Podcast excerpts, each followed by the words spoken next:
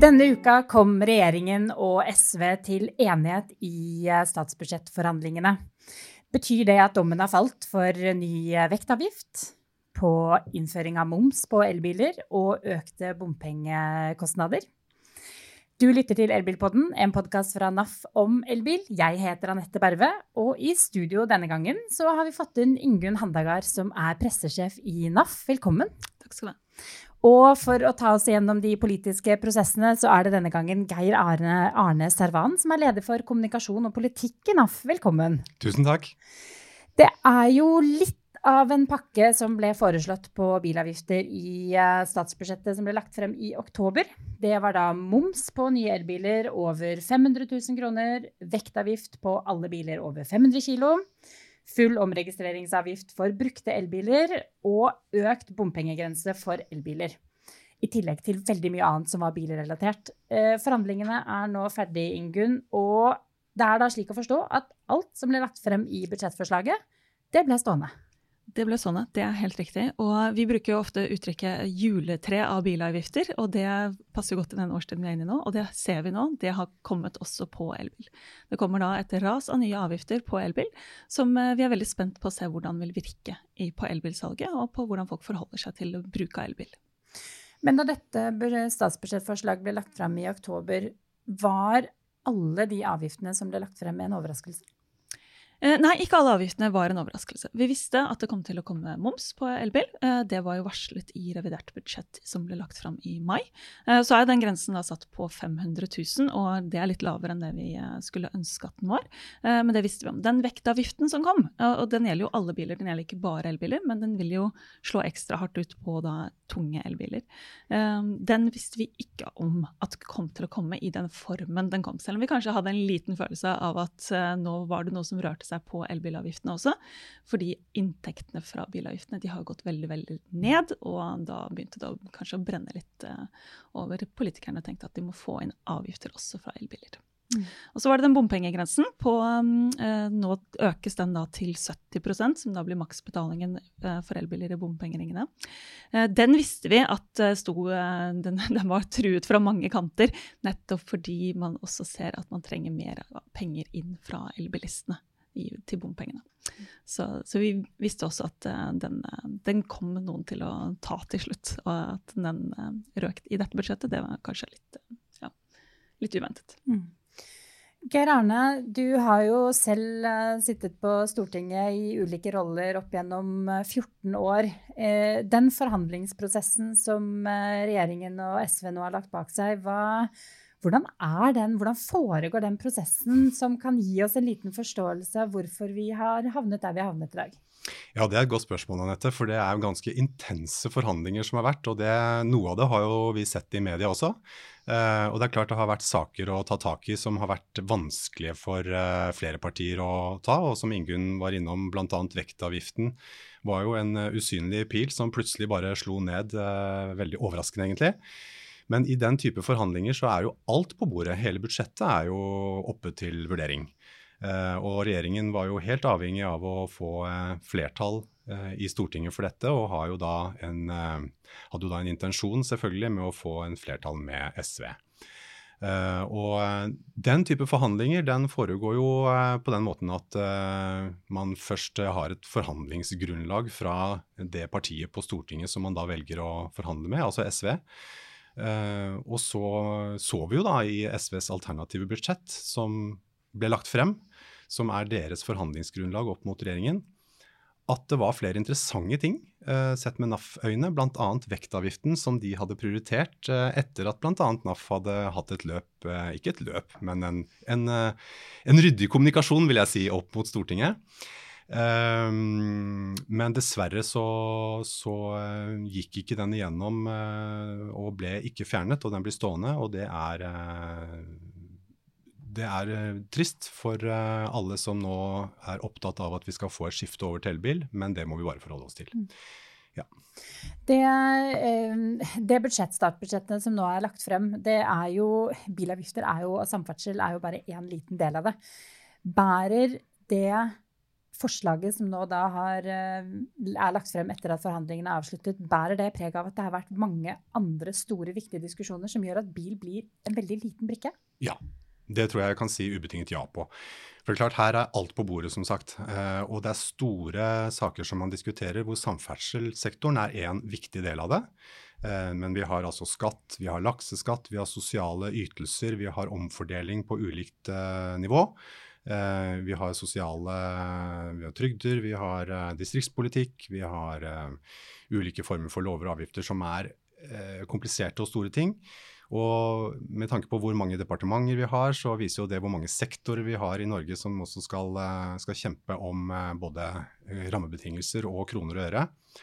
Så jeg vil også si at det at samferdsel har kommet såpass godt ut i det store bildet For det er klart at i det store bildet så har det ikke vært noe stort skrell på samferdselsbudsjettet.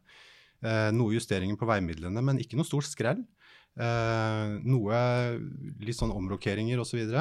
Men vi kunne ha fryktet, og NAF fryktet jo, at samferdselsbudsjettet skulle bli langt dårligere enn det det har vist seg å bli. Nettopp fordi det er et veldig stramt budsjett, og fordi man har vært nødt til å prioritere, som du var inne på, mellom de ulike formålene. Så i det store bildet så kan vi også være veldig glad for at eh, det presset som NAF og andre nå har eh, gjort opp mot regjering og storting, har gitt resultater i form av at eh, samferdselsbudsjettet fortsatt er på et høyt nivå. Men det er klart vi har vært tydelige på en del av disse Eh, avgiftssakene særlig, eh, og der har vi ikke fått eh, gjennomslag. Men det skyldes selvfølgelig, som du er inne på, at det er veldig mange sektorer i, samfunnet som nå kjemper om oppmerksomheten. Mm. Er det også da slik å forstå, Ingunn, at vi har jo lenge vært varslet at elbilens avgiftsfrie tid kom til å være forbi. Som sagt, eh, momsen, innføring av moms på elbil kom ikke som en overraskelse at det står, eh, står fast. Kanskje heller startpunktet for innføringen av moms eh, er en, er, en, er en, overraskelse. Men er det da slik at nå er de helt vanlige bilavgiftene på vei tilbake til elbilen? Det kan se sånn ut. Eh, sånn som ting er lagt opp nå, så vil jo elbilen få akkurat samme avgifter som eh, andre biler. Det å innføre en vektavgift på kjøp av elbil, det, det, så vi jo ikke komme akkurat her og nå, men vi har jo også sett at det kom til å skje. Og det med momsgrensen har jo vært varslet lenge, som du var inne på. Så skulle vi gjerne sett at den var litt høyere, eh, som nevnt, da. Men det er jo også fordi noen av disse postene er ganske store. Hva er det? det er omtrent 2,9 milliarder som skal inn i denne nye vektavgiften. Det er klart det er en vanskelig eh, inntekt i et stramt budsjett å forhandle om. Så, så at den ble stående, det vil jo da kanskje også gi en pekepinn på at nå er den tiden omme da elbilen ikke hadde avgifter. Den er, den er helt forbi, og vi må for, forberede oss på at uh, de avgiftene de kan også øke fremover. Mm. Uh, det er jo det vi har sett på bilavgifter mange ganger, at de er gjenstand for forhandlinger. Det går opp, og så går det litt ned. Uh, og så vil jo vi selvsagt forhandle de ned, men det, det, er jobb å gjøre igjen på bilavgiftene på elbil. Den, den er ikke ferdig. For nå er det jo slik at innen utgangen av 2025 så skal alle nye biler som selges, være elbiler. Mm. Per i dag, så litt avhengig av hvordan man regner nybilsalget med eller uten leasing, så ligger vi på et sted mellom 80 og 90% av nybilsalget er nå helelektrisk. Med innføring av eh, vektavgift og moms, eh, hva tror du konsekvensene kan være for det nybilsalget da? Det er jo vanskelig å spå noe om. Det er jo mange ting i tillegg til rene bilavgifter som påvirker nybilsalget. Det, akkurat nå er det jo veldig mange som har en ganske presset økonomi, eh, så det vil jo også spille inn. Men hvis du ser på bare avgiftene, så uh, har vi gjort noen beregninger som sier at bilavgift Eh, bilavgiftene i seg selv, hvis du innfører full moms på elbil, det vil påvirke bilsalget slik at du får omtrent 270 000 færre solgte elbiler innen 2030 enn du ville fått uten avgifter. Så at det vil ha en påvirkning, det er helt klart. Så gjenstår det å se hvor sterkt det vil slå inn. For det er klart, um, kjøpsavgiftene på elbil er én ting, men det er også noen vurderinger som familier gjør i forhold til at elbil er billigere å bruke. Uh, selv om bompengene øker, så er jo også driftskostnadene, og spesielt drivstoffkostnadene på en elbil, det er mye lavere. Uh, så kan vi også snike med at i dette budsjettet så gjør de jo heller ingenting på uh, bilavgiftene som ligger på pumpeprisen. Mm. Sånn at det kan være at mange nå sitter og tar frem kalkulatoren og begynner å regne på skal jeg beholde den dieselbilen, eller skal vi prøve å gå over til en elbil for å kutte de høye pumpeprisene som eh, mange nå sliter med. Mm. Ja, for her er det jo snakk om at uh, nybilprisen med, med vektavgift og moms kommer til å øke med alt mellom en uh, 20 000-30 000 opp til uh, 70 000. Og vi ser de regneeksemplene ute i forumene på Facebook nå. At det er mm. veldig mange som sitter og lurer på hvordan dette kommer til å påvirke den bilen de eh, hadde lyst til å kjøpe neste år. Og sitter og lurer på, men da beholder de kanskje dieselbilen enda, enda lenger. Betyr det at uh, kanskje 2025-målet står litt for fall, Geir Arne? Jeg tror i hvert fall at det er helt uh, vi, vi, må, vi, må, nok erkjenne at uh, den veldig gunstige elbilpolitikken som har vært ført frem til nå, den perioden er over. Eh, og det er et stort flertall på Stortinget som er enig i det som skjer nå. Eh, de har egentlig vært enige og ønsket å gjøre dette ganske lenge. Eh, men det har ikke vært politisk mulig å gjøre det. Og nå er det tre uker Tre uker, det var litt lite. Det er tre år til neste valg. Det er et veldig stramt budsjett, og man trengte å finne inndekning. Og tiden ut ifra hvordan nok politikerne har sett på dette, så var tiden inne nå for å gjøre dette grepet knytta til elbilpolitikken. Vi er imot det, eh, men eh, det er blitt gjort. Og om det setter målet i fare? Ja. Det, er, eh, det, det, tror jeg også det er en bekymring blant politikerne om, og jeg tror de er veldig obs på dette. Så vi skal følge veldig nøye med på hvordan dette utvikler seg videre. Det som er synd, er jo at man ikke har fått sett dette i en total sammenheng med alle bilavgiftene. At man nå gjør dette uten at man ser det i en stor eh, sammenheng med hele avgiftssystemet. Eh, men vi må bare fortsette å jobbe på opp mot myndighetene for å få mest mulig gunstige rammevilkår eh, fremover for, på vegne av våre medlemmer. Men jeg tror at den æraen med veldig gunstig elbilpolitikk, den er nok over. Mm.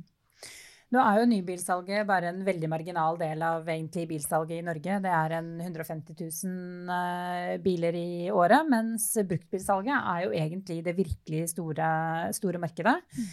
Rundt 500 000 eh, eierskifter er det vel på bruktbil i, i året. Og det som vel eh, kan ha noe innvirkning der, er jo at man også øker omregistreringsavgiften på brukte elbiler.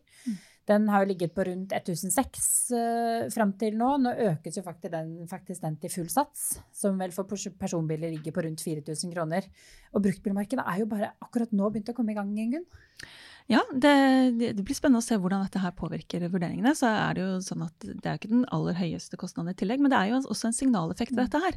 Uh, og den er jo eh, vi litt opptatt av. altså Nå, nå likestiller man elbil og andre biler uten å kanskje tenke seg over som Geir Erna er inne på, hvordan ser totalen av bilavgifter ut, og hvilke mål er det egentlig man prøver å oppnå med disse avgiftene. Virker de som etter, etter, intensjonen. Og Det er jo samme med bompenger nå. Så kommer man inn på da, uh, høyere bompenger for uh, elbiler. Vil det også virke etter intensjonen? Vi vet jo at veldig mange som har kjøpt elbil til nå, de har jo kjøpt elbil også fordi det gir lavere bompengeregning. Så rundt byene så er det jo høyere elbilandel. Du ser det jo til og med i små kommuner som har hatt eh, f.eks. broprosjekter hvor du har høye bompenger, så har folk kjøpt elbil. Nettopp for å skjerme økonomien mot de høye bompengene. Så hvordan dette her vil eh, spille ut, det er vi litt usikre på, rett og slett. Mm. Men nå er jo faktisk dette et, eh, et samferdselsbudsjett også som eh, dreier seg om mer enn bare elbil. Eh, det er to andre saker som er veldig viktige for NAF å følge med på. Veivedlikehold og rassikring. Var det noen gode nyheter der? Det har vi faktisk ikke vært innom i Elbilpodden, for vi er veldig elbilfokuserte. Jeg tenker Vi må bredde litt ut. Gode veier er jo viktig for elbiler også. Og på veiinvesteringa, som Geir Arne var inne på, så, er det jo ganske greit totalt sett, eh, sett i lys av et stramt budsjett, at det ikke skrelles mer av de midlene. På vedlikehold og ras så er det egentlig litt som forventet. Det kom ikke den store satsingen som vi har vært veldig tydelige på at vi ønsker å se. Men eh, det hadde nok også vært litt tidlig hvis de kom med det nå. fordi det kommer noen planer fremover til neste år eh, som skal både man skal gjøre en kartlegging av store veivedlikeholdsetterslepet eh, rundt omkring i fylkene, og man skal også lage en plan for rassikring. Så vi er veldig opptatt av at det skal følge midler med det, men at det ikke kom de store pengene til det i eh, årets budsjett, det, det var vi kanskje forberedt på. Vi var jo det. Uh, og det, det, er, som vi har vært inne på tidligere her, at uh, vi skal også være glad for at det ikke har blitt et større skrell, egentlig, enn det, det viste seg å bli. Um, nå er det jo sånn at budsjettet vedtas faktisk uh, i dag. Er, I dag er det torsdag. I morgen er det fredag når dette sendes.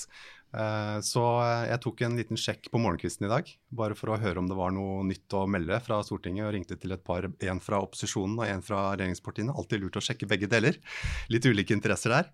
Men, eh, men eh, ingen dramatiske nyheter derfra, og dette går nå smooth gjennom i Stortinget i dag. Men det er klart at det er ikke verken elbilpolitikken eller samferdselsbudsjettet som liksom har vært den store nøtta på forhandlingsbordet de siste ukene. Det har vært veldig store, krevende saker knytta til, eh, som vi alle har sett i media, med skatt og en del eh, strukturelle ting. Og, og, jeg ser levende for meg at uh, de forhandlingene har vært uh, beintøffe på andre områder, og de har holdt på til langt på natt. Og her har du dynamikken både mellom partigrupper og mellom departementer og statsråder som har eierskap til sitt budsjett og egentlig ikke ønsker å gjøre noen endringer, ikke sant. Og, og valgdistrikt. Og det er veldig mange elementer inn i en sånn forhandling. Og når vi ser at de har flytta på på om lag 6 milliarder kroner. Og når vi vet hva behovet er både på vedlikehold og hvor mye det koster med vektavgift og en del av de sakene som vi kjemper for, så, så, er det ikke overraskende at dette ikke blir endret på i så veldig stor grad i Stortinget. Mm. Det, det, er nok eh, sånn det eh, vil bli. Og så jobber vi heller videre opp mot regjeringen og Stortinget videre for å fighte både for eh, gode elbilfordeler og vedlikehold og rassikring og, og bedre rammebetingelser i tiden som kommer. Mm. Så er jo også noe vi ikke har vært inne på i dag, men det har vært inne på flere ganger tidligere, er jo også uh, utbygging av ladeinfrastruktur. Gjøre det enklere å faktisk bruke elbilen når du først kjøper den. Og også mer forbrukervennlig, uh, forbrukervennlig lading. Der uh, er det jo mer ladeplanen vi, vi venter på. Venter på svar på, på, hvordan det kommer til å løses. Roaming, kortbetaling. Og alt det som følger med, følger med de sakene. Og så er det jo også, midt oppi dette her, så står jo medlemmene våre forbrukerne der ute som uh, kanskje har bestilt en elbil, skrevet under en kontrakt, mm. og lurer nå på hva skjer med prisen på den elbilen de har skrevet kontrakt på. Får de da den økningen på 70 000 kroner? Og i så fall, hvis ikke de har råd til det, hva har de av rettigheter? Mm. Eh, og der har vi svar, Ingunn. Der har vi noen svar. Vi har i hvert fall noen eh, foreløpige svar og noen, eh, kanskje noen råd på veien. Det ene er jo at hvis man har avtalt en elbil med veldig lang leveringstid, over seks måneder, så har man ganske mye bedre Um, unnskyld, har man ganske mye dårligere rettigheter. Det er veldig viktig å være tydelig at man har dårligere rettigheter enn hvis leveringstiden er kortere enn det. Uh, og så er det sånn at Hvis du har avtalt en elbil der hvor prisen øker mer enn 6% så har du litt bedre rettigheter igjen. Vi skulle uh, sett at den grensa var satt mye lavere, og vi jobber opp mot bilbransjen for å få senket den terskelen for når du har rett til å gå fra kjøpet. Nettopp fordi som elbilkjøper, eller som bilkjøper i det hele tatt, så sitter du med hele risikoen for disse prisøkningene. Og disse prisøkningene de har jo da politikerne bestemt seg for å gjennomføre, uh, helt uavhengig av hvor mange som har en elbil i bestilling og venter på den nå. Um, så det viktigste å gjøre som elbilkjøper er nå å sjekke kontrakten sin, se hva som er avtalt, gå i dialog med forhandleren hvis du ser at dette her er helt umulig å løfte den prisøkningen, rett og slett. Eh, så det er nok mange oss som sitter og lurer på hva de skal gjøre. og også er veldig spent på leveringstidene, for de er veldig lange. Og det har jo også da innvirkning på hvordan vi ser på disse her kontraktene. At når du da har en kontrakt hvor du har en klausul som sier at hvis leveringstiden er mer enn seks måneder, så har du egentlig ingen rettigheter, samme hvor mye den prisen øker. Det er jo klart helt urimelig, sånn som leveringssituasjonen er i verden i dag, hvor du gjerne må vente både seks måneder og mer enn det for å få en elbil. Og alt dette her kan eh, du som lytter gå inn på naf.no elbil og lese mye mer om. Tusen takk for at dere tok turen til studio, eh, Geir Arne og Ingunn, for å dele litt av deres eh, analyser og ekspertise og personlig kunnskap om forhandlingsprosessen i Stortinget. Den er ikke spøk. Nei, overhodet ikke. Det, eh, er du litt fornøyd med at ikke du sitter i de rommene der nå, Geir Arne? Du, det, ja, det er ganske voldsomt og det er ganske intenst, men også veldig gøy. Men eh, de sitter på et stort ansvar, politikerne. Det skal vi også huske. De gjør en, eh, en strålende jobb. Og så har vi vår rolle. Fantastisk. Det er eh, det vi rakk i Elbilpodden denne uka. Husk at du kan abonnere på denne podkasten i alle tilgjengelige podkastapper, på Spotify, og vi finnes også på YouTube. Følg oss gjerne på Facebook på NAF Elbil. Der kan du sende oss en melding hvis du har noen tips til tema eller gjester, noe vi burde ta opp her i podkasten. Jeg heter Anette Berve, og som alltid er det Peter Jacobsen som sørger for at du kan se og høre oss. Vi er tilbake om en uke. Ha det godt!